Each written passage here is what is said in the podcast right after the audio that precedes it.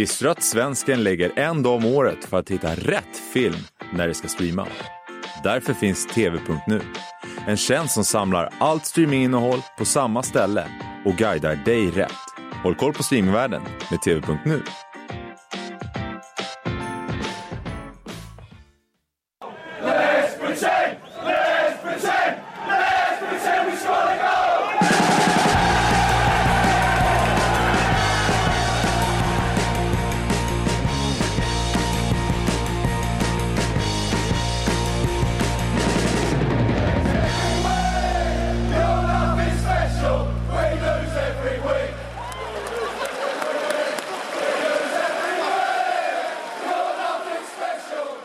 Sportbladets Premier League-podd eh, samlad här igen, eh, tisdag morgon. Kalle, är du med mig här i studion?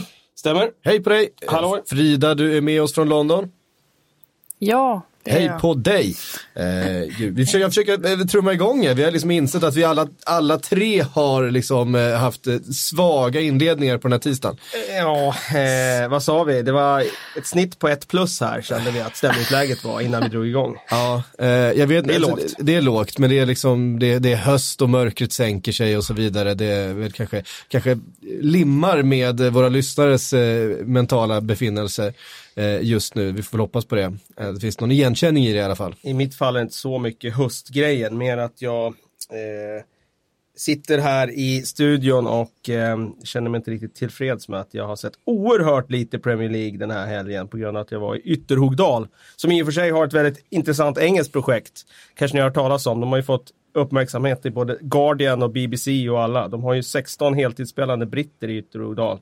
Eh, division 2-lag med massa eh, lokala entreprenörer som slantar in pengar där för att de ska ha ett eh, fotbollslag i, från en by med bara 500 invånare. Så att, eh, ja. Men där kunde ni inte spela fotboll.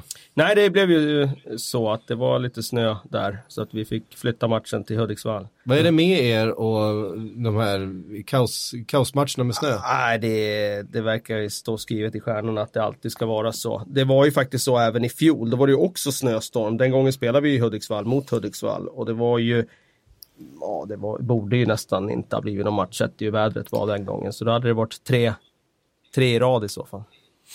Kalle, du är lite som eh, Peter Gerhardsson är för damlandslaget. Han kallas ju för Rain Man Mhm. på grund av att det alltid är oväder eller alltid extrema hört. väderförhållanden. Ja, men det, det, ja, då är jag snowman då. Eh, ja, och, så, och sen torskade ni på straffar och, eh, i, i Hudiksvall istället.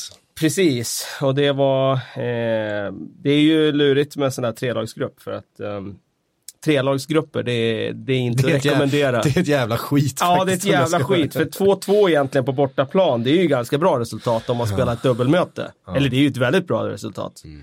Men i en trelagsgrupp, om man förlorar straffarna, då är det inte ett lika bra resultat. För då måste man spela nästa match. Och då får man inte spela den avgörande matchen, där båda lagen vet vilka resultat som gäller. Nej, precis. Eh, så att, eh, ja nej, men det om det. Ja. Ehm, det har varit eh, ytterligare en eh, högintressant eh, helg med Premier League-fotboll. Äntligen är den tillbaka då efter landslagsuppehållet.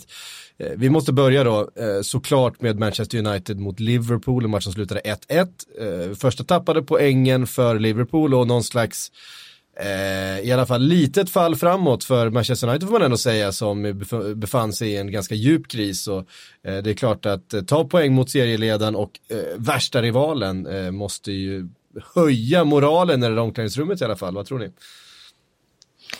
Ja, nej, men det tror jag säkert definitivt. Eller eh, Solskjaer sa ju det på presskonferensen efteråt att det var många sura miner förstås. Eh, Men man tänker sig väl någonstans att United-spelarna inser att de gjorde en hyfsad match och att de säkert kan ta med sig det in eh, i nästkommande matcher. Eller de måste de göra i princip.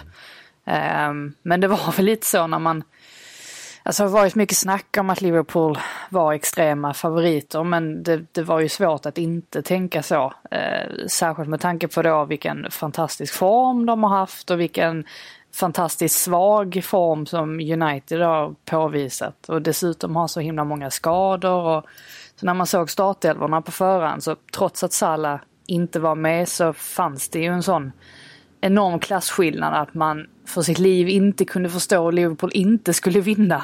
Eh, det fanns ju klasspelare i United också men de har ju inte haft den bästa formen, typ Marcus Rashford till exempel. Eh, och sen drar matchen igång och så blir det väl inte riktigt som man har, eh, som man har tänkt sig. Ehm, jag tyckte det fanns en helt annan vilja hos United som i alla fall inte jag tycker har synts i särskilt många matcher. Egentligen under hela året.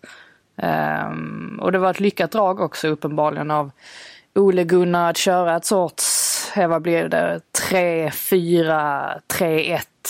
Där man liksom istället för att invänta pressen så klev man upp och utraderade Trent och eh, Robertson då.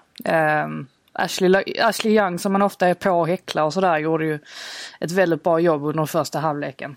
Uh, tycker i alla fall jag. Um, men eh, ja, så detta ihop med att Mané inte kom till sin rätt där ute till höger och, och Riggi är ganska blek och Fabinho bortmarkerad. Så det känns ändå inte speciellt överraskande att United tar ledningen. Även om det förstås var märkligt att det inte dömdes bort efter Lindelöfs tryckare där. Ja, precis. Det är en av alla, alla VAR-situationer. Vi, alltså det, vi har sagt att vi inte ska prata så mycket VAR, men, men VAR gör det ju på något sätt omöjligt för oss att inte adressera det. Eh, vara eller inte vara är ointressant för att det är här. Eh, däremot hur det implementeras och eh, eh, framförallt, alltså jag kan absolut köpa att, att, att det blir mål i den situationen, att han släpper den, alltså så vidare, alltså det, det är en situation som är liksom ganska långt innan och så vidare.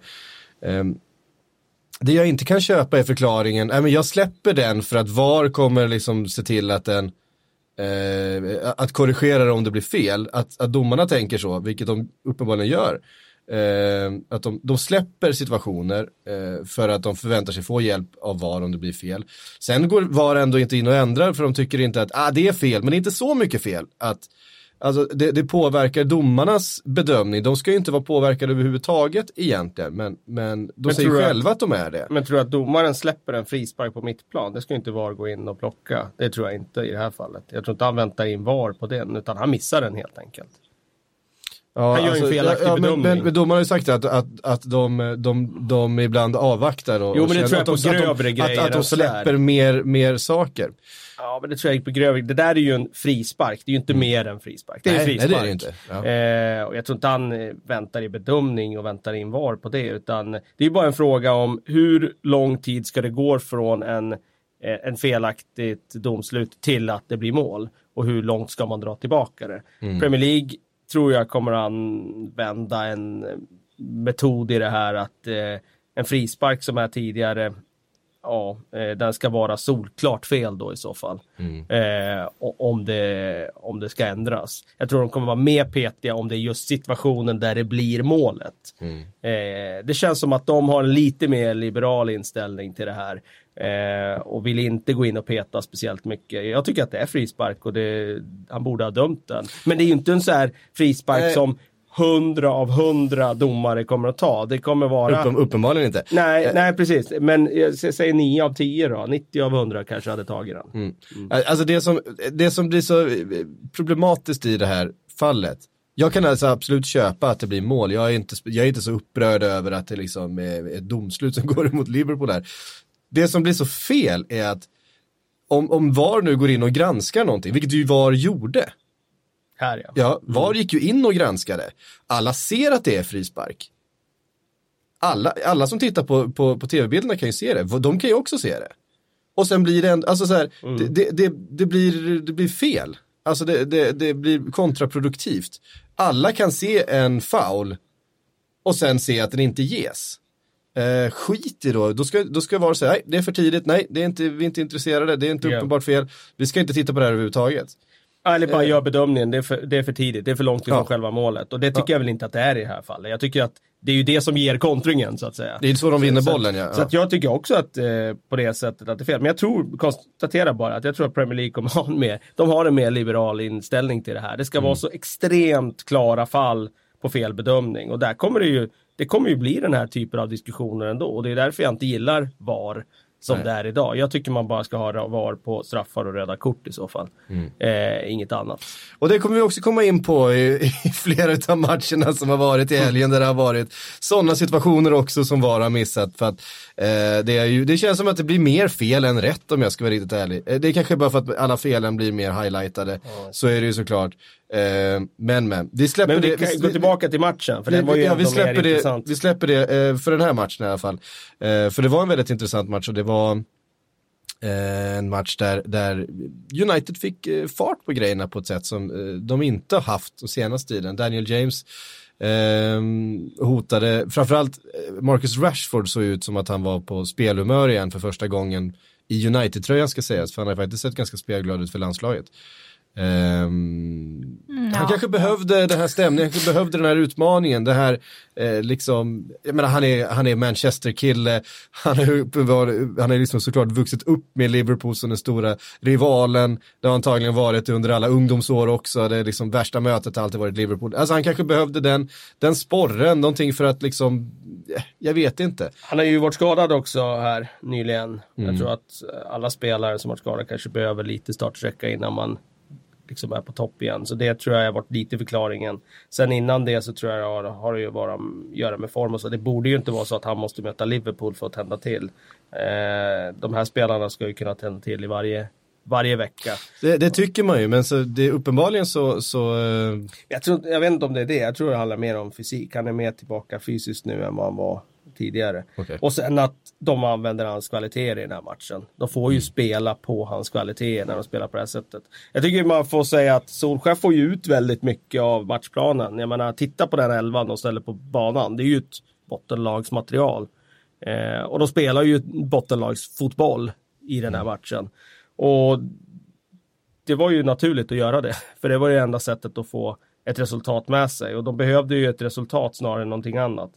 Ehm, de ger ju sig själva chansen genom att täppa till bakåt med en fembackslinje. Speglar egentligen Liverpool rakt av hur Liverpool spelar offensivt. Och bara hitta eh, en, ett sätt att stressa Liverpool, vilket de gjorde i första halvlek. Och sen med de här omställningarna. Och det är ju så de ska spela med den personalen som de har tillgänglig idag.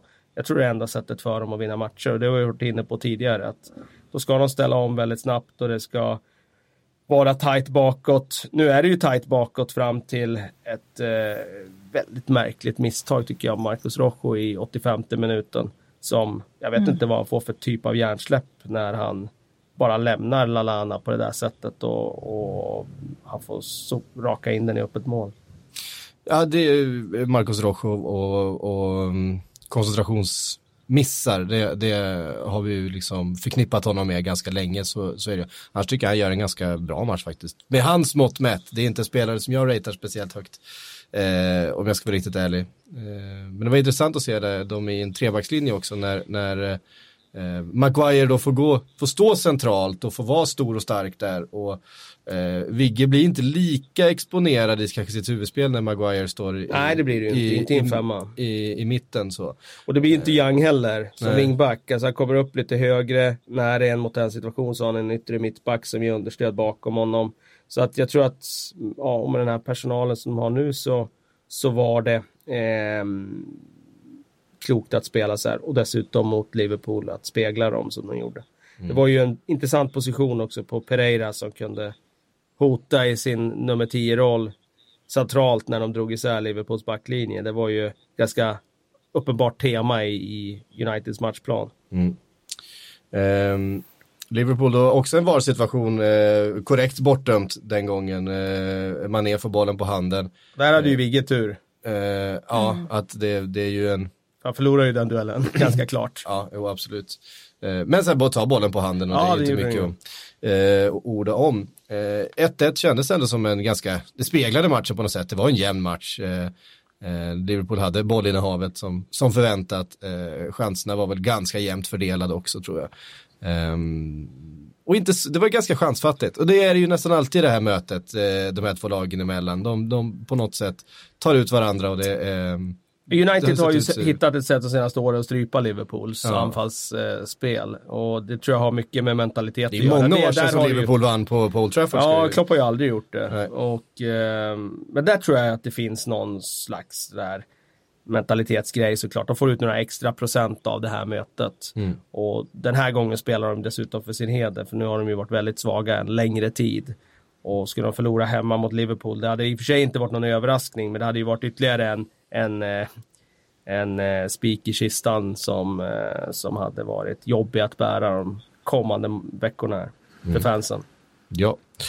Ehm, eh, Liverpool trots allt kvar i serieledning. Eh, efter nio spelade omgångar. Eh, vi hade några andra poängtapp på det vi kallar då topp 6-lagen. Eh, vi har ju tidigare dömt ut den benämningen. Vi tror inte, jag tror inte i alla fall att det kommer, att det kommer vara den gamla vanliga sexan som, som är topp 6 i slutet på den här säsongen. Sen vet jag inte riktigt vilka det är som, som kommer stå där. Eh, men eh, tung seger för Leicester i helgen. Eh, det var definitivt ett av lagen som, som utmanar.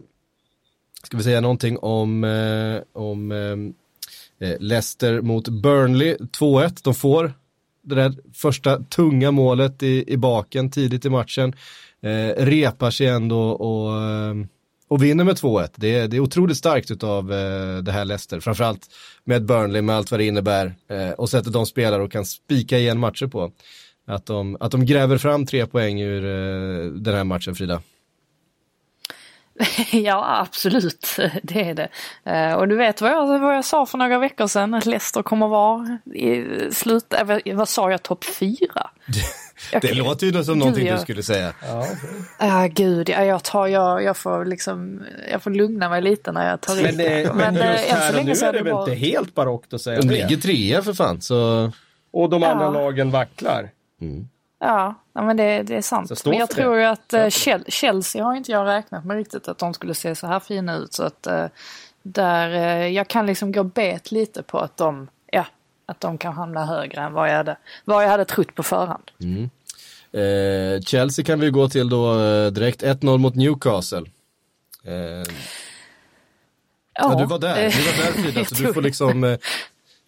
Eh, Du får berätta se- allt. Scenen är din. Och, och Jag ska, ja, men precis, du har ju jag ska dessutom berätta. lite, ja. jag ska ge en cliffhanger, du har ju lite exklusiv info här som vi Ja, det är- jag har ser verkligen väl- har ser väntat väldigt på. mycket Jag fram- ser oerhört mycket fram emot det här, men vi tar först matchen och sen tar vi det andra. Ja, absolut. Eh, nej, men eh, vad ska man säga egentligen? Det, eh, det går ju hur bra som helst för eh, Frank Lampard och för eh, Chelsea. Eh, jag tycker väl dock att eh, Eh, Newcastle, de börjar ju väldigt bra i den här matchen. Ehm, och Chelseas försvar som ändå har sett hyfsat stabilt ut på sistone. De, eh, det var en del slarv och till och med Tomori hade, eh, till och med han hade problem en del då. Men sen efter paus då är det liksom inga, inga frågetecken, då drundrar Chelsea på. Jag undrar egentligen hur mycket det har att göra med att Ross Barkley tvingades gå ut med några minuter kvar av den första halvleken. Jag, alltså personligen föredrar jag att ha Kovacic på mittfältet. Jag vet att Frank Lampard uppenbarligen inte gör det alltid. Han, har, han, är, han är svag för Barkley. Det är väldigt tydligt. Men det blir lite mer fart och det blir lite mer direkt. Eh, och känns lite mer naturligt när Kovacic eh, spelar istället för Barkley. Och sen så är ju inte Barkley, han, han är ju inte riktigt i form heller. Han har inte riktigt det självförtroendet. Eh, så, ja, för tillfället i alla fall. Eh, något annat man behöver, ja, Hats- Hudson-Odoi måste man ju nämna, vi pratade om det här med att vissa spelare behöver startsträcka när de kommer tillbaka från skada. Han behöver det uppenbarligen inte för han har varit väldigt bra eh, sen han eh, blev skadefri och det råder liksom ingen tvekan om huruvida han ska starta eller ej. Och det är oftast på vänsterkanten som det händer för Chelseas del numera och det är tack vare honom också. Och jag tycker väl även att han höjer en sån som Marcus Alonso som man kanske har varit på lite nu eh, i början av säsongen. Att han har sett lite rostig ut och börjar se lite, lite gammal ut. Men eh, eh, nej, till och med han eh, har blivit bättre. Och jag, det är ingen slump att det är han som gör målet till slut också. Eh, från vänsterkanten. Eh, så fortsatt eh, positiva vibbar Jag är lite nyfiken på en spelare i den här elvan när jag inte har sett matchen. Hur ser Kurt Mm. Zuma ut? han gör ju, alltså han har ju en sån, det är en typisk sån där spelare som, han har ju ett misstag i sig. Jo tack. Vi, alltså vissa, vad är det med vissa mittbackar och bara ha det? Alltså man, man kan inte riktigt slappna av när han får bollen vid fötterna för att han kan lika gärna slå en vansinnespassning. Men nu känns det som att alla är lite beredda på det. Eh, och eftersom Tomori har sett så himla fin ut så de, de väger liksom upp varandra lite bättre. Så jag tycker inte att det känns så där, eh, känns inte så vanskligt längre. Och sen vet jag inte om det har att göra med att Andreas Christensen nu är skadad eh, och han spelade istället för Tomori då i början av säsongen. Alltså om det är Tomori som liksom helt väger upp för Zumas ja, brister. Eh, men det ser mycket bättre ut. Det kan också vara att eh, jag tror att, eh, eller det känns som att Jorginho och mittfältet överhuvudtaget har blivit lite bättre på att skydda backlinjen också. Ja. Det tycker jag. Så att nej, men de slarvar lite i den här matchen, det gör de. Men det ser ju väldigt mycket bättre ut än vad det gjorde i början av säsongen. Mm. Uh, och det är ju, som sagt, det som, det som Frank Lampard gör här som ju är väldigt intressant att med det här superunga laget med spelare som Tammy Abraham och Hudson Odoi och Mason Mount och alla de här som vi har varit inne på så lägger han ju en, eh, ett fundament för någonting otroligt intressant inför eh, fortsättningen. Vi har ju varit väldigt sådär lite skeptiska till, alltså om vi går tillbaka ett år, så som situationen var med vi pratar om det här eh, eh, transferförbudet som det började pratas om redan förra vintern. Eh, Hazard som var missnöjd, det var eh, Conte som eh, hade försvunnit och, och Sarri som inte gick bra. Eh, och det var, det var överlag ganska, ganska eh, shaky, det var Stanford Bridge som aldrig byggdes om. Alltså, det, vi, vi, målade ganska mycket fan på väggen när det, när det gällde, gällde just Chelsea för inte så länge sedan. Eh, nu känns det ju som att just givet de här förutsättningarna, eh, att det är just Frank Lampard eh, och att de bygger en sån stabil grund på eh, egenfostrade spelare gör ju att i alla fall jag känner att Chelsea har någonting väldigt, väldigt spännande på gång plötsligt.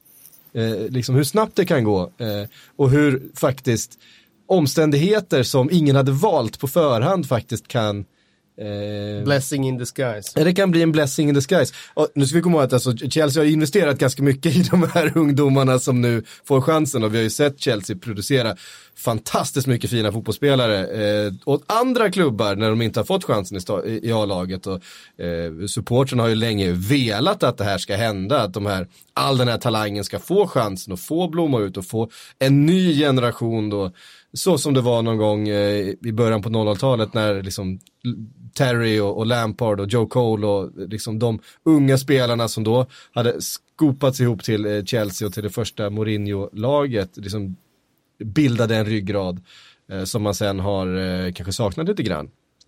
Eh, Sen har de ju, de har ju fått en perfekt mix nu också av dels de här unga hungriga spelarna men också de här lite äldre, lite mer rutinerade. Mm. Alltså visst man pratar om att, alltså till exempel Aspilicueta, han, frågan är om han kommer göra så många fler säsonger i Chelsea för att han, han ser ganska trött ut, han gör en del misstag också, han bidrar inte speciellt mycket heller, alltså rent offensivt på högerkanten.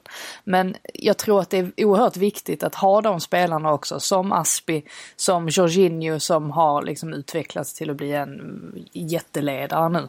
Eh, viktigt att ha den mixen eh, med ungt och gammalt och jag tycker att Chelsea, de, de har verkligen det just nu. Um, ja, det, det, det, är verkligen ett spännande projekt att följa. Jag hade inte heller trott på dem speciellt mycket inför den här säsongen. Nej, det kändes som femma, sexa. Ja.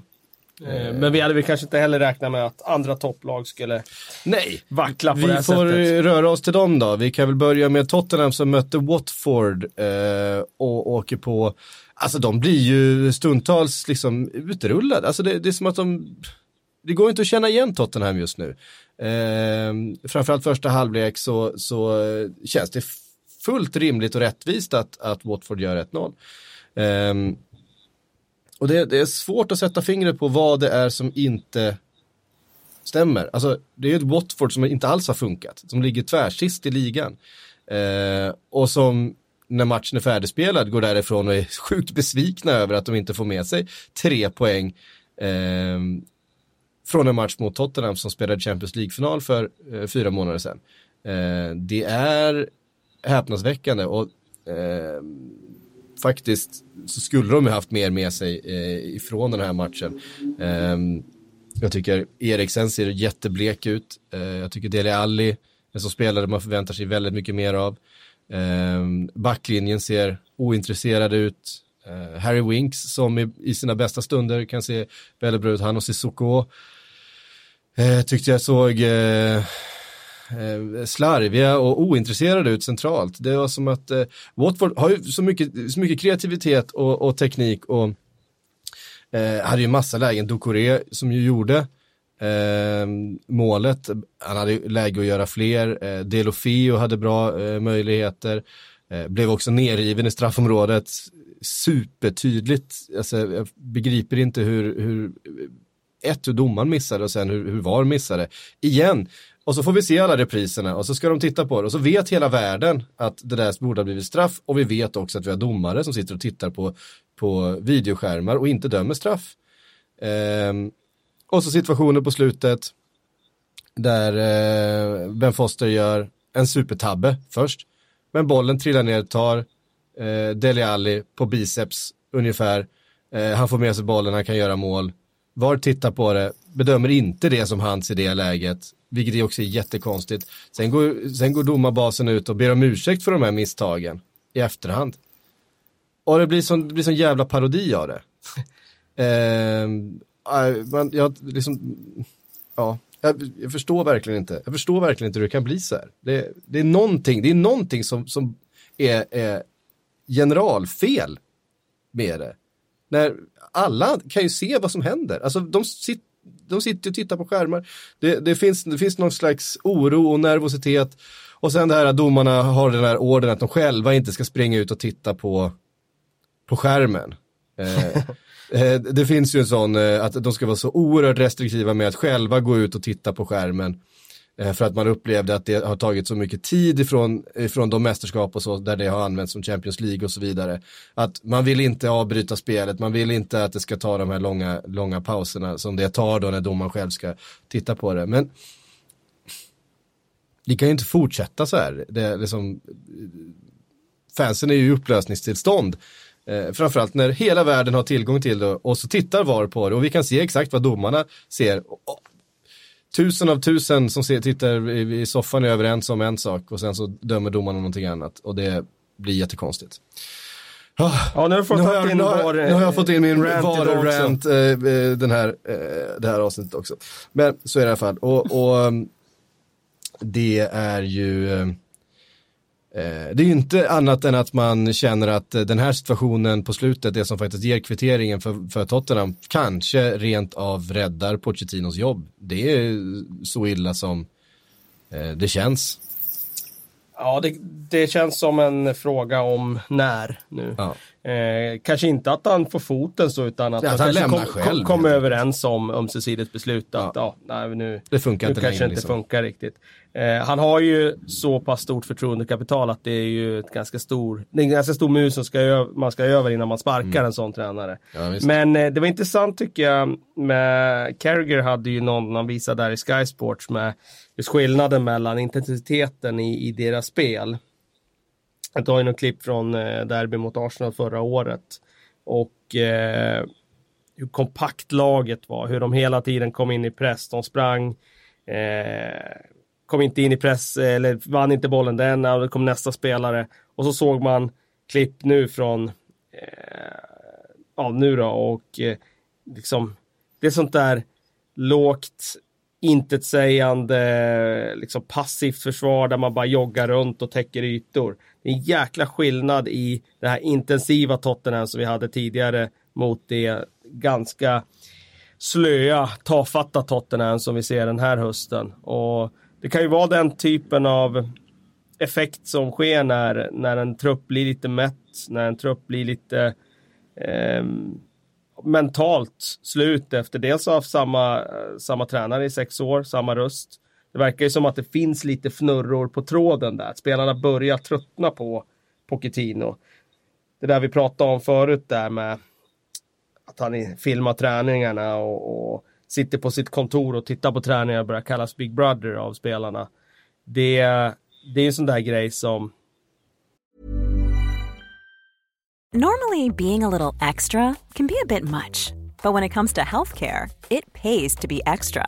And United Healthcare makes it easy with Health Protector Guard fixed indemnity insurance plans. Underwritten by Golden Rule Insurance Company, they supplement your primary plan, helping you manage out of pocket costs without the usual requirements and restrictions like deductibles and enrollment periods. So when it comes to covering your medical bills, you can feel good about being a little extra. Visit uh1.com to find the Health Protector Guard plan for you. Han har ju filmat i den tidigare. Men då har han inte kallats det, utan det är någonting som har bubblat upp nu. Som har funnits där under ytan, som har bubblat upp nu när resultaten går emot. Och det tycker jag är ett tecken på att det är någonting som inte är bra just nu i, i, i den där klubben, i relationen tränare-klubbledning, relationen tränare-spelare. Mm. Räddningen kan ju bli möjligtvis, alltså man har ju Eh, ja, alltså man, tanken var väl att man skulle påbörja någon sorts generationsväxling där med en Dombele, alltså köpa in honom, Ryan Sessignon, eh, Lokelso också som visserligen är ett lån men det är väl en köpoption på honom också. Eh, det har inte riktigt, alltså en Dombele har ju, har ju varit liksom en, en positiv injektion i Tottenham och sen har man ju inte kunnat använda Sessignon och, eh, och sådär. Så att jag tänker att när när de kommer tillbaka och blir tillgängliga, nu känns det väl som att det är väldigt, väldigt nära att de blir det.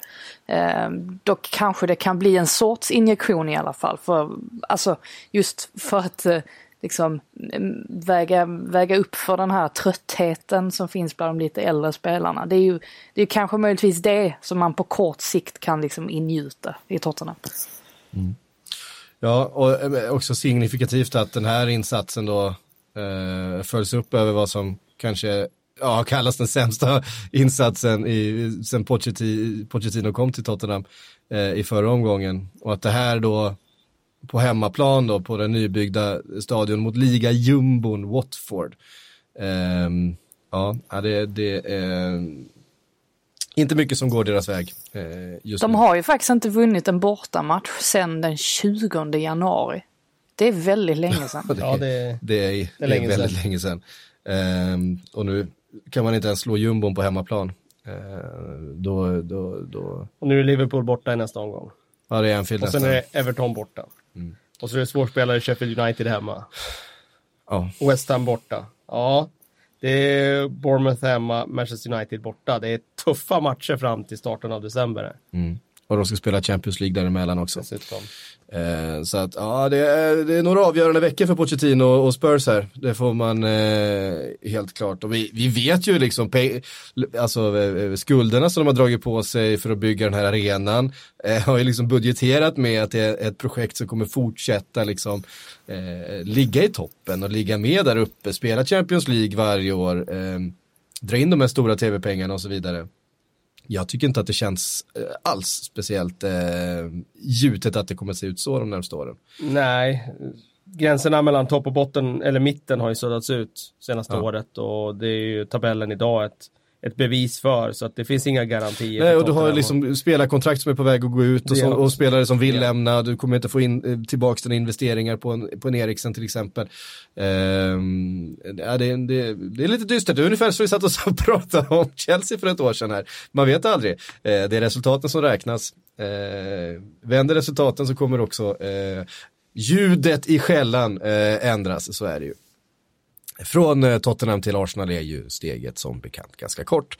Eh, och ehm, rent mentalt är steget också ganska kort när eh, Arsenal igår kväll då åkte till Sheffield och fick stryk mot eh, nykomlingen eh, Sheffield United med 1-0 efter en, ja, återigen en, en otroligt svag insats men också en insats, eh, också en match där, där domaren hamnade eh, totalt i centrum. Den här gången Mike Dean, och det är ju speciellt med Mike Dean och Arsenal, just för att det är en, en kombination som vi har skrattat åt många gånger tidigare. Ja, framförallt förr om åren. Ja. Det har inte varit lika mycket senaste åren. Han har inte fått döma Arsenal Nej, så mycket av, heller. av förklarliga skäl kan man ju tycka. eh, men nu, nu gör han det igen och då, då är han i farten. Eh, Det var ju ett eh,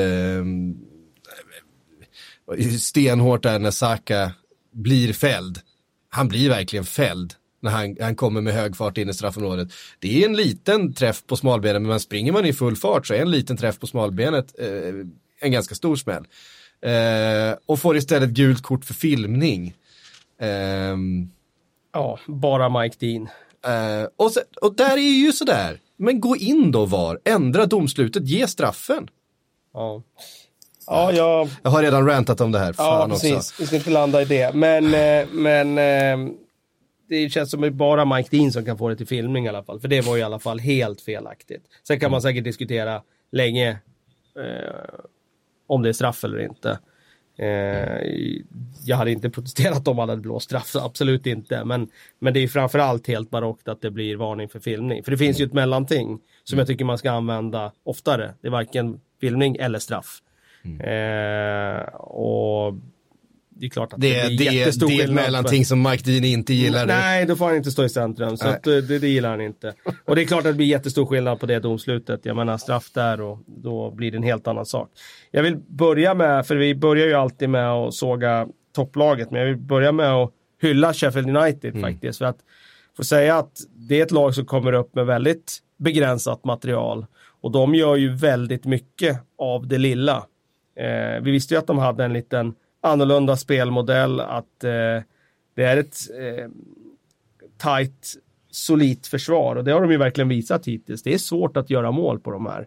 Och det är klart, om man försvarar sig som de gör i andra halvlek där med tio man runt egen box, det är klart att det kommer vara svårt. Men det, det jag tycker att eh, de har varit en trevlig bekantskap i den bemärkelsen att de har väldigt, väldigt eh, begränsat material och de har faktiskt gjort mer än vad man kan kräva av det materialet hittills.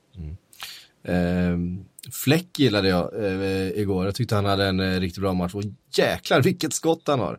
Han drog på ett par. Det var inget, han gjorde inget mål, men det var ett som gick strax utanför stolpen och ett som gick precis rakt på eh, Leno som det var. Eh, höll på att bli riktigt eh, farligt. Eh, noterade. Det är en sån där spelare man inte har lagt så mycket med, i alla fall inte jag eh, funderat så mycket på i, i mitt liv. Ja, jag har faktiskt gjort det. Jag kommer ihåg att jag skrev om honom när han gjorde debut som 18-åring i Rangers. Då var det nog ingen annan som hade koll på honom. För då var det lite jämförelse med en ung Wayne Rooney på den tiden. För att det var ju liksom den man jämförde med då. Eh, och dessutom var han ju brorson till den gamla storspelaren Robert Fleck och det tyckte jag var intressant där.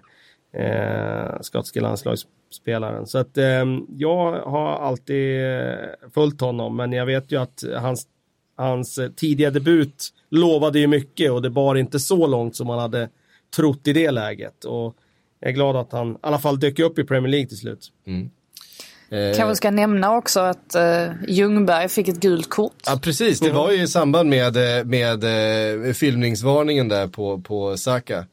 Eh, eftersom, eftersom han såg det alla andra såg att det fan inte var någon filmning i alla fall. det var hans första gula kort på ganska många år. Eh, när la han dojorna på hyllan? Det var, ju- han- han fick inte speciellt mycket gula kort Han under var ju där karriären i Indien heller. och snurra och det där. Det var ju det. Ljungberg. Så det. att, eh, det är ju inte så många år sedan. Men det är ju länge sedan han spelade i England. Men det är inte så många år sedan han spelade fotboll. Jag ska kolla upp det exakt. sju år sedan? Mumbai City 2014. Ja, det är Oj. bara fem år sedan då. Ja. Ja. Men fick han några gula kort i frågan? Han var, han var inte speciellt varnad spelare, Ljungberg. Jag, jag ser ju bara. Mellberg-fighten framför mig. Vad sa du? Alltså, det är ju, jag ser ju bara fighten med Mellberg framför mig. Ja. Det är Det det, var, är det man tar med sig. Det var andra sidan Nothing spel, really happened. spel, spel mot ett mål. Ehm, Men det snackas ju faktiskt mm, alltså, mer och mer om att han kommer bli en sorts caretaker om nu Unai Emery inte skulle få fortsätta. Eh, och det känns ju som att det är ett, det är ett ganska naturligt steg ändå eftersom att det var, det var faktiskt inte Emery som lyfte upp honom till A-laget utan det var ju faktiskt eh, ledningen, eh, den sportsliga ledningen. Så att eh, ja, det är väl inte helt orimligt. Det vore ju eh, häftigt. Av svensk Ja, som leder Arsenal. ja, ja, herregud. Eh, det vore ju Och det var ju inget man såg vår framför Ole sig. Gunnar. Nej, men det var ju det inget, inget man såg framför sig på det sättet. Att man trodde ju inte att han skulle bli tränare. Det tror jag inte han trodde själv heller riktigt. Men Sen åkte han in där i akademin och sen blev ju den där svängen till Tyskland där under Ja, det. Jonker.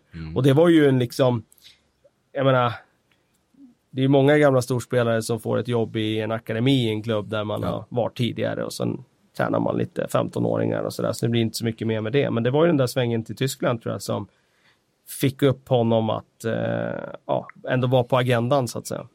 Mm. Eh, ja, det är ju en, det är en kittlande tanke. Eh, absolut. Och jag menar, vi pratar om Solskärs status i United, Lampards såklart i, i, i Chelsea. Fredrik Ljungberg har en otrolig status i Arsenal, det ska, man, det ska man komma ihåg. Och, eh, för eh, lite yngre eh, tittare på fotboll, så ska man, alltså, bara det att han var med i The Invincibles, bara att han var en i det laget. Ja, men jag Eh, tycker inte det är det största. Jag tycker det största är att han våren 2002 faktiskt var, eh, när de vinner ligan, eh, var en av Premier Leagues absolut bästa spelare. Och då snackar jag topp tre eh, den våren. Och det är ju det största tycker jag. Ja, och, och jag menar om man, om man pratar om hans Arsenals karriär, alltså i slutet av den så bygger ju faktiskt eh, Wenger mycket av laget runt Fredrik Ljungberg. Han är ju hans förlängda arm ut på planen och, och har väldigt, väldigt eh, central roll i, i, eh, i det laget. Ja, Henri var väl den förlängda armen och den stora Jag tänker stjärnan, egentligen såklart. efter Henri lämnade. Ja, men då var inte Ljungberg så bra längre. Henri var ju den som bar dem till Champions League-finalen 2006 där.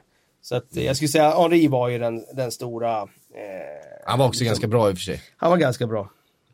Ehm, ja. Eh, ja, de behöver någonting eh, Arsenal i alla fall. Jag menar, eh, de, ligger ju inte, de ligger ju inte så pyrt till egentligen tabellmässigt. De, de är ju med där. Hade de är ju, vunnit den här matchen hade det ju sett riktigt bra ut. Ja, det är ju det. Och jag menar, de är ett par dåliga domslut ifrån att faktiskt eh, ha en helt annan match att prata om. Eh, lägger att- en poäng efter City. Ja, exakt. Eh, det är Det är små marginaler. Eh, och då har de legat före Leicester som vi, har- som vi har hyllat och så vidare. Det, eh, det är väldigt små marginaler så jag tycker att Emery, och så som vi har varit inne på också, precis, alltså Emery har ju inte varit tvingad till det men han har ju spelat in en ny ung, han har ju byggt en ny bas av unga spelare i Arsenal under den här ganska korta tiden som han har varit Som där. ser spännande ut. Så ser, alltså Saka ser, ser jättefin ut Ja. och var väldigt bra igår. Eh, Gwendo Shie var inne på, han är svajig, han har sina stunder av, eh, av koncentrationsmissar och så vidare. Men har också en otrolig höjd i sig och det är en spelare som jag tror jättemycket på. Ehm, eh, vad heter han, Martinez va? Eh, Martinelli. Martinelli heter han. Martinelli. Eh, som har kommit in och sett, Willock har ju spelat en hel del. Han kan ju känna själv kanske att han, han har inte visat riktigt samma potential som de här andra namnen. Mm. Men det säger inte så mycket för jag tycker både Martinelli och, och, och Saka ser super, super spännande ut. Mm. Men problemet, alltså missnöjet som finns gentemot honom, det har väl att göra med, alltså visst de har tagit poäng, men på vilket sätt de har tagit poäng. Alltså många känner ju att det saknas någon, liksom någon, eller att det finns en spelidé som många inte ser. Eh, och att det saknas lite av en identitet. Alltså jämför med med Chelsea som ändå, eh, alltså det är ganska tydligt hur, hur de vill spela och eh, de har dessutom gått från att eh, inleda matcher bra till att faktiskt liksom lyckas alltså hålla, i- hålla i det, alltså längre och längre perioder över matcherna. Det är, finns ändå x antal Arsenal-matcher där man tänker att de faktiskt hade kunnat bli rejält straffade och tänker inte minst på matchen borta eh, mot eh, Watford. Ehm, vi har även eh, matchen hemma mot Bournemouth nu där de också har, har eh, ganska mycket flyt. Så att det, det, är väl- där missnöjet, alltså rent poängmässigt så, så precis som ni säger så ser det ju helt okej ut. Liksom. ja. um, vi, eh, vi, vi släpper Arsenal. Ska vi säga någonting om Nicolas Pepe också kanske? Den mest omtalade, han som haft som fiaskostämpel på sig. Jag tycker han var, var bra igår men så måste han ju sätta läget när det kommer. Han är ju helt ren. Han ska ju bara, det är inte, visst, det är inte en helt lätt boll att bara raka in, men han måste ju, jag menar, Fast en, någon- en spelare på den, på den nivån ska kunna bredsida in den bollen. Finns det någon spelare i världen som hade behövt det målet så var det ju faktiskt han. För att han, eh, just nu har han ju den där uppförsbacken med att han har en prislapp som hänger över hans axlar som tynger honom. Och eh, när det börjar gå emot så blir det ju liksom den där uppförsbacken som är jobbig och det kan säkert vara en utdragen akklimat akklimatiseringsperiod för honom. Nu när han inte har självförtroende riktigt heller i det, Mm. det han gör. När det handlar, framförallt inte i de här avgörande momenten. Ja, för att man, ser Hans ju att det- avslut har ju varit lite sisådär om man säger så i Ja, höst. det får man verkligen säga. Men, men mycket annat har ju sett väldigt spännande ut. Eh, framförallt när han, han får lite ytor att springa på. Han, Ja, är, ju, ibland så, men han är ju snabb. ibland kan jag tycka att han är lite omständlig i det, också. När, eh, när blir det storytime? Ja, För fan, vi har- Styk, han har ju dragit förbi vi, det. Vi, vi drog förbi det. Men det är ju det bästa i den här Eh, podden. Eh, Vi, spar, vi, vi sparar det till... Till till sist? Till, nej men tills nu. Tills nu? Vi tar, ja. vi tar Vi det kan nu. inte hålla oss nu. Nej men jag tänkte vi skulle röra oss vidare till, till eh, Everton West Ham. Nej, det men, får vänta. Men det får vänta. Nu måste vi Tillbaka nu måste till vi Stamford höra... Bridge mixade zon. Ja, exakt. Eh, Vilka har du träffat? börja med att säga att ni har aldrig blivit så exalterade när jag har skrivit någonting någonsin I WhatsApp-gruppen? eh, sms. Nej, precis. det- Då ska man i och för sig veta att WhatsApp-gruppen har ju bara funnits i ett par veckor. Men, ja. men det stämmer.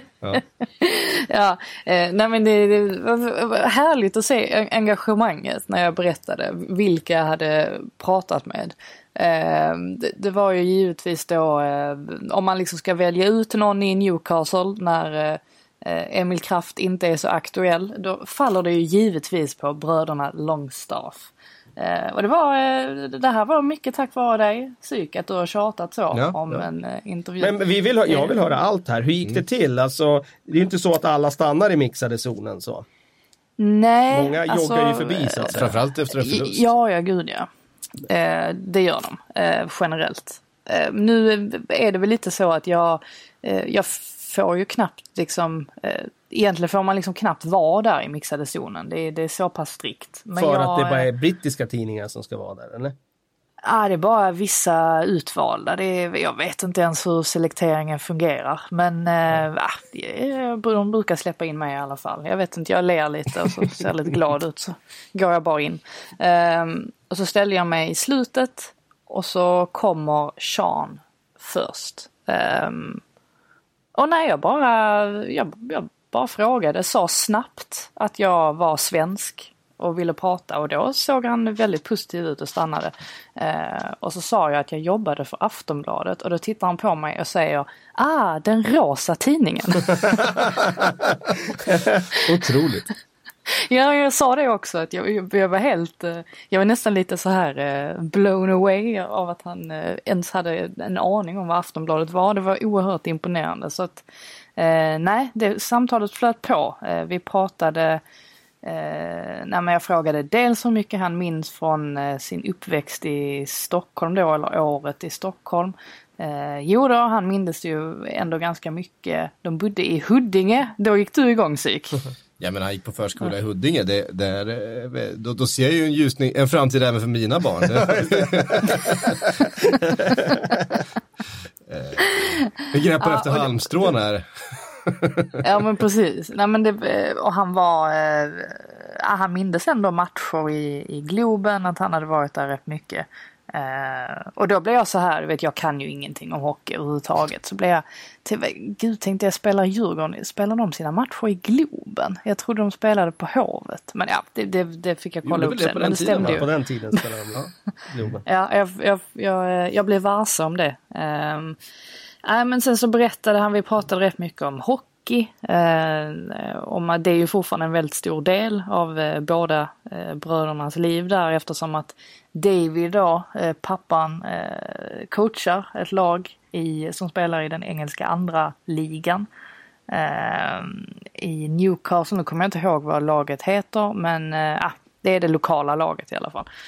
Eh, Så de hänger där rätt mycket och Sean han stängde inte dörren för en eh, eh, hockeykarriär efter fotbollskarriären. Han var, Han kan göra en Peter Käck alltså.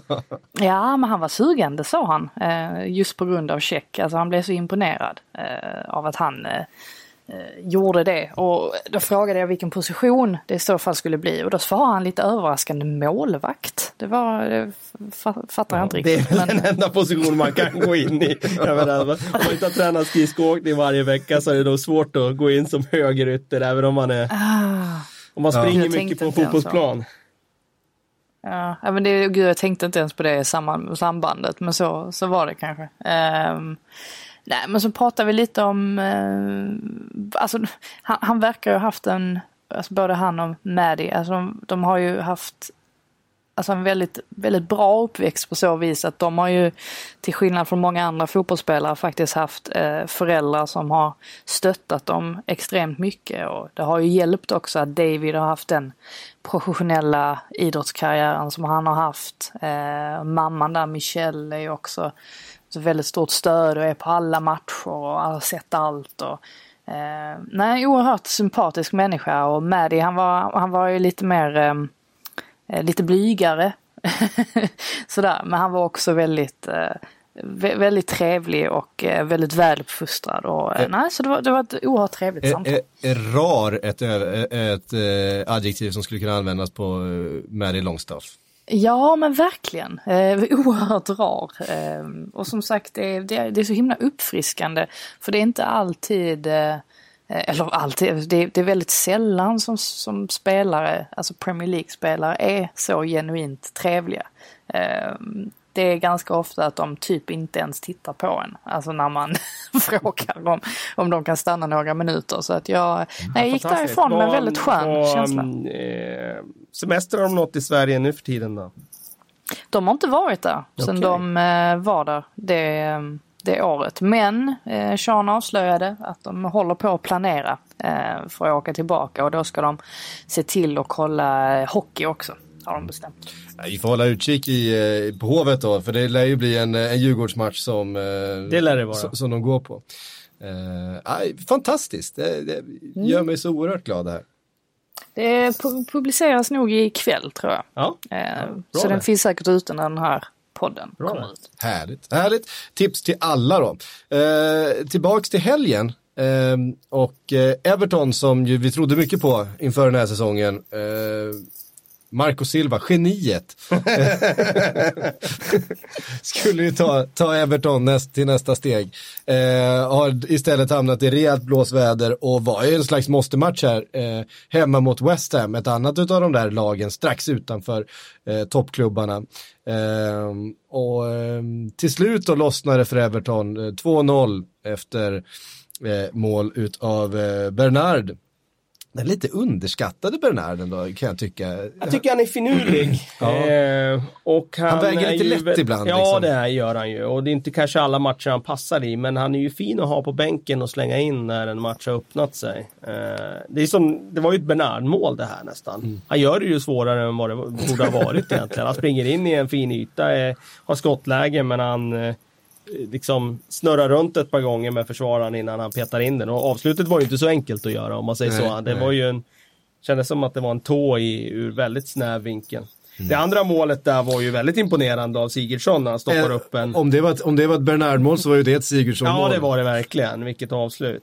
Och, eh, men det blir ju också intressant det här med, jag tror med, med den här extremjämna tabellen så tenderar vi ju kanske, inte bara vi utan alla, att kanske göra lite onödiga haveriutredningar ibland. För jag menar, titta på Everton kontra West Ham som har mm. fått mycket beröm West Ham för starten här i, i, i Premier League. Det är bara två poäng som skiljer dem nu. Everton ligger på samma poäng som Manchester United. Ja, precis. Och det, det kanske inte är någon bra måttstock att använda just Nej, den här hösten. Men, men, men, om man tar West Ham då, som vi har berömt och mm. som har fått beröm från flera håll och så vidare. Det är liksom bara två poäng. Och Everton är alltså bara två poäng från att kliva upp på en sjunde plats i tabellen. Everton Trophy. Ja, precis. De är två poäng bakom. Så att det, det, det är ju, jag tror att det är vanskligt att, eh, att dra för långa slutsatser, liksom långdragna slutsatser mm. här. Eh, för att det är så extremt jämnt. Så här så jämnt har det ju mig veterligen aldrig varit i Premier League. Inte i mannaminne i alla fall. Nej. Eh, det, finns, det finns egentligen bara ett, eh, ett hopp och det är mellan tvåan och ettan. Ja, precis. Exakt. Det är ju där, exakt. Det är det är, eh, Liverpool och vi räknar väl ändå med att City ska haka på där i alla fall. Ja, men om man tittar... Om man tittar om men man just tittar nu, är det bara ett hopp. Det mm. stämmer. Mm.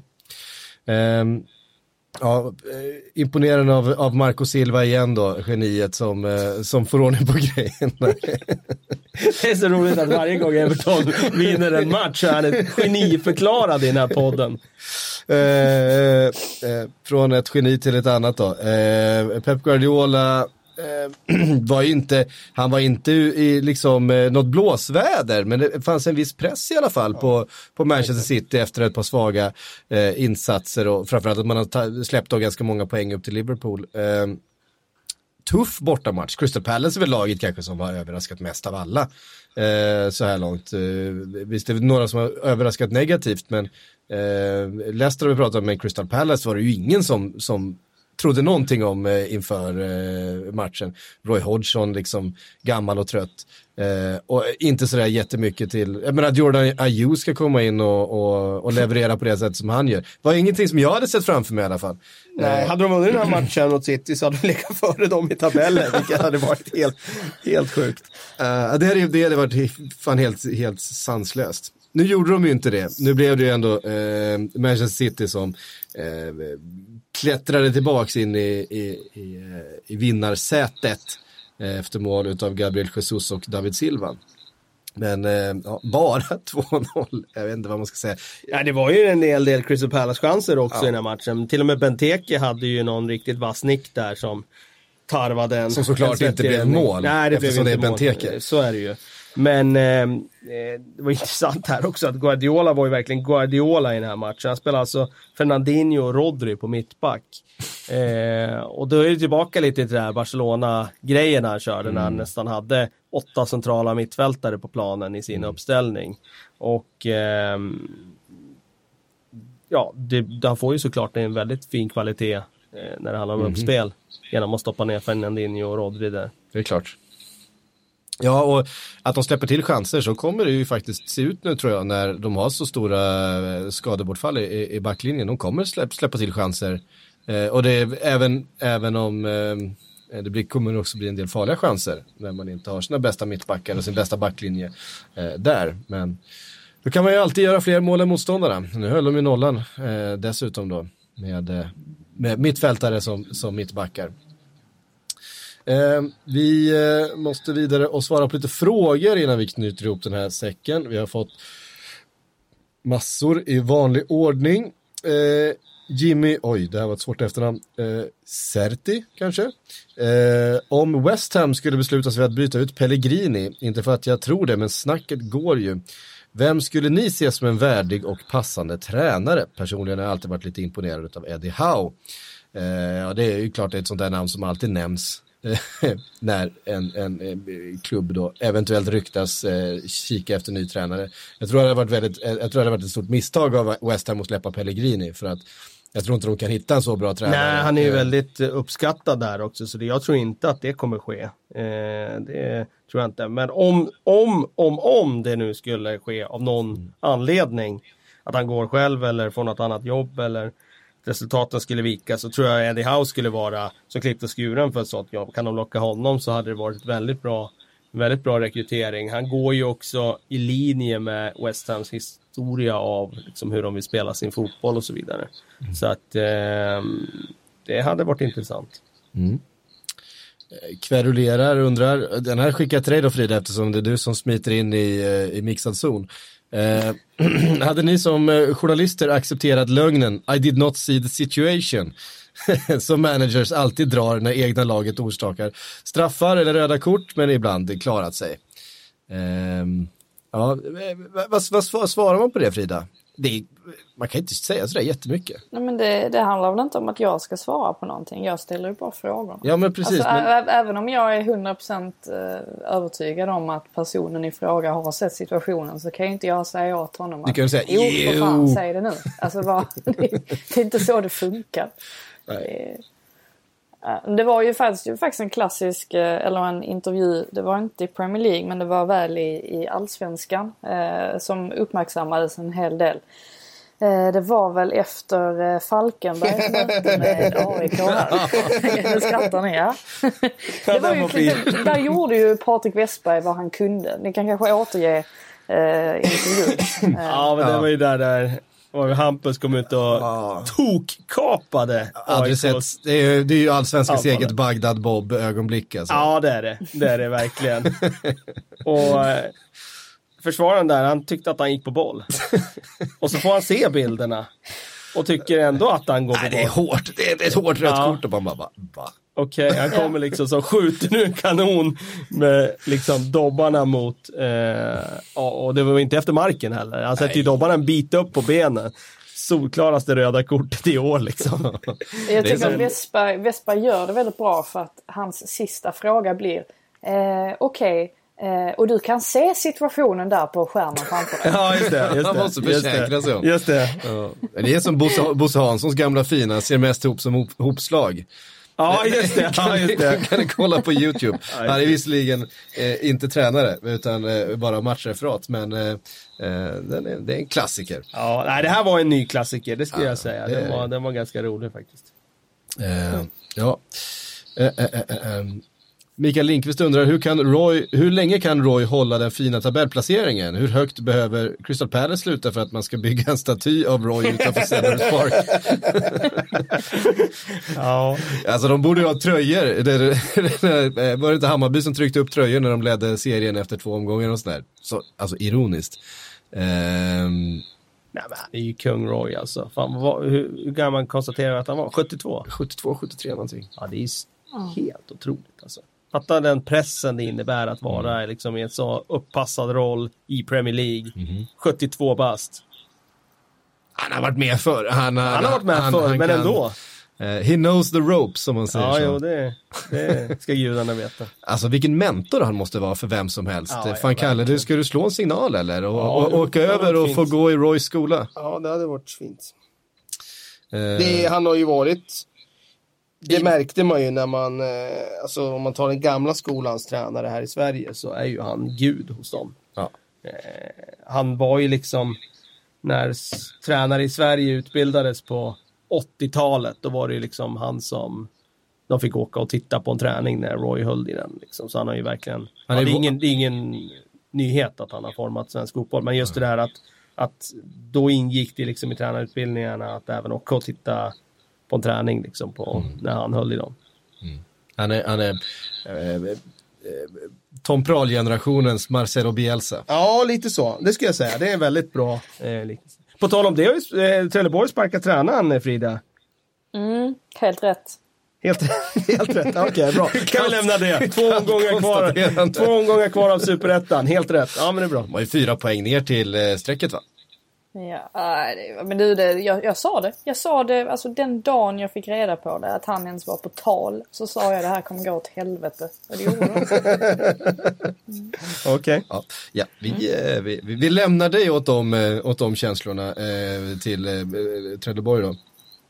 Ehm, Andreas Kvarnström undrar, vad är oddsen att Emery och Pochettino får gå innan jul?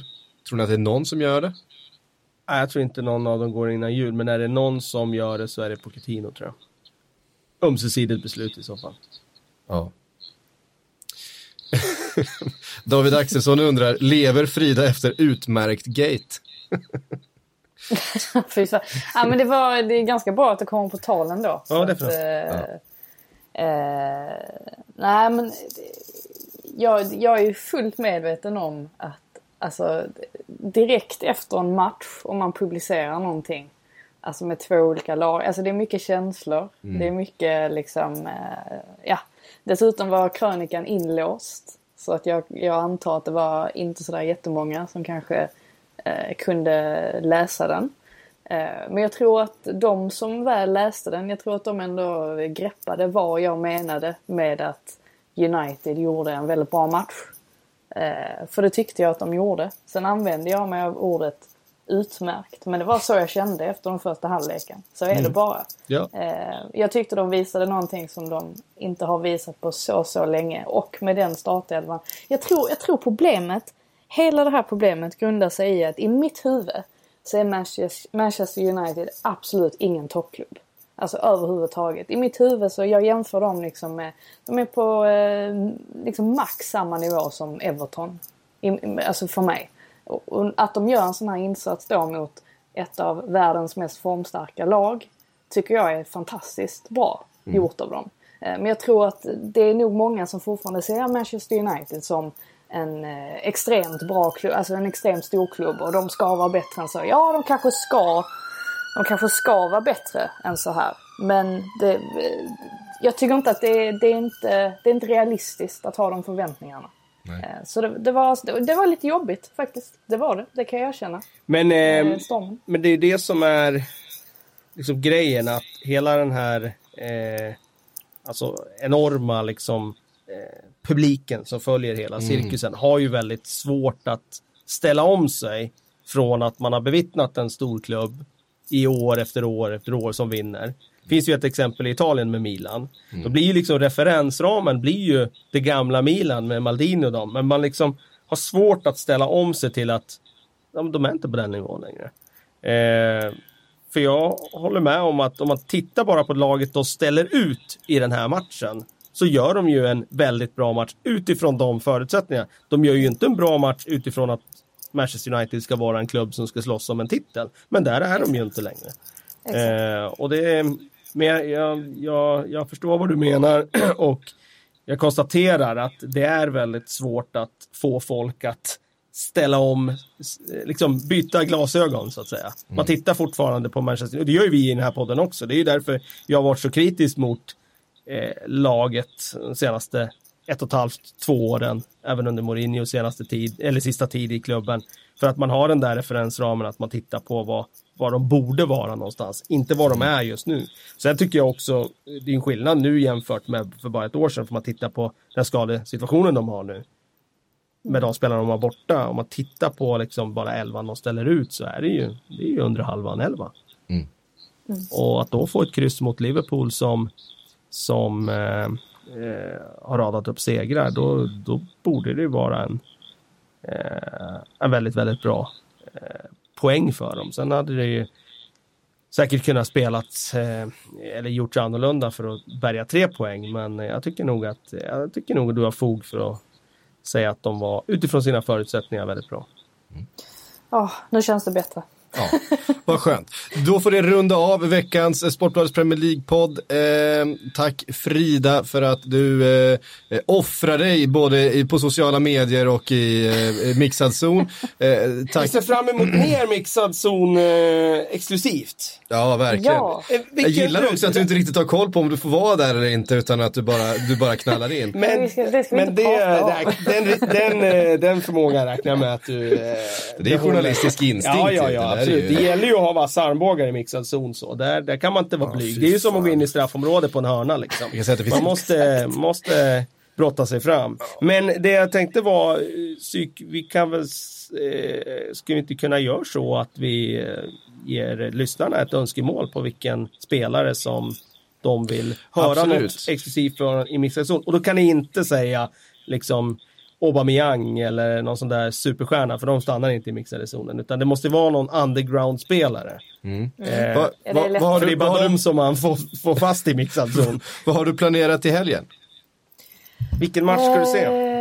Eh, I helgen blir, då ska jag faktiskt vara ledig första gången. Oj! Jaha. Eh, någonsin, höll jag på att säga. Kaos och Men för katastrof. första gången på... Eh, Nu när vi utlovade mixade zon-material här, då ska du vara ledig. Eh, ja men det är Men ju ja, Vi skönt får för ta dig. det nästa Ja, det är skönt för dig. Men du, vi får återkomma i frågan då, för det är ju lite kul om du går på en speciell match, att man får eh, pinpointa en spelare som du ska fånga in. Ja, absolut. Det Mycket tycker jag Fan, var vilken bra idé jag kom Ja, på för där. fan. Kalle levererar. Fan, jag borde vara redaktör för den här podden. Du är hemskt välkommen. tack så hemskt mycket för att ni har lyssnat. Tack Kalle, tack Frida för att ni var med. Eh, Vi hörs om en vecka igen.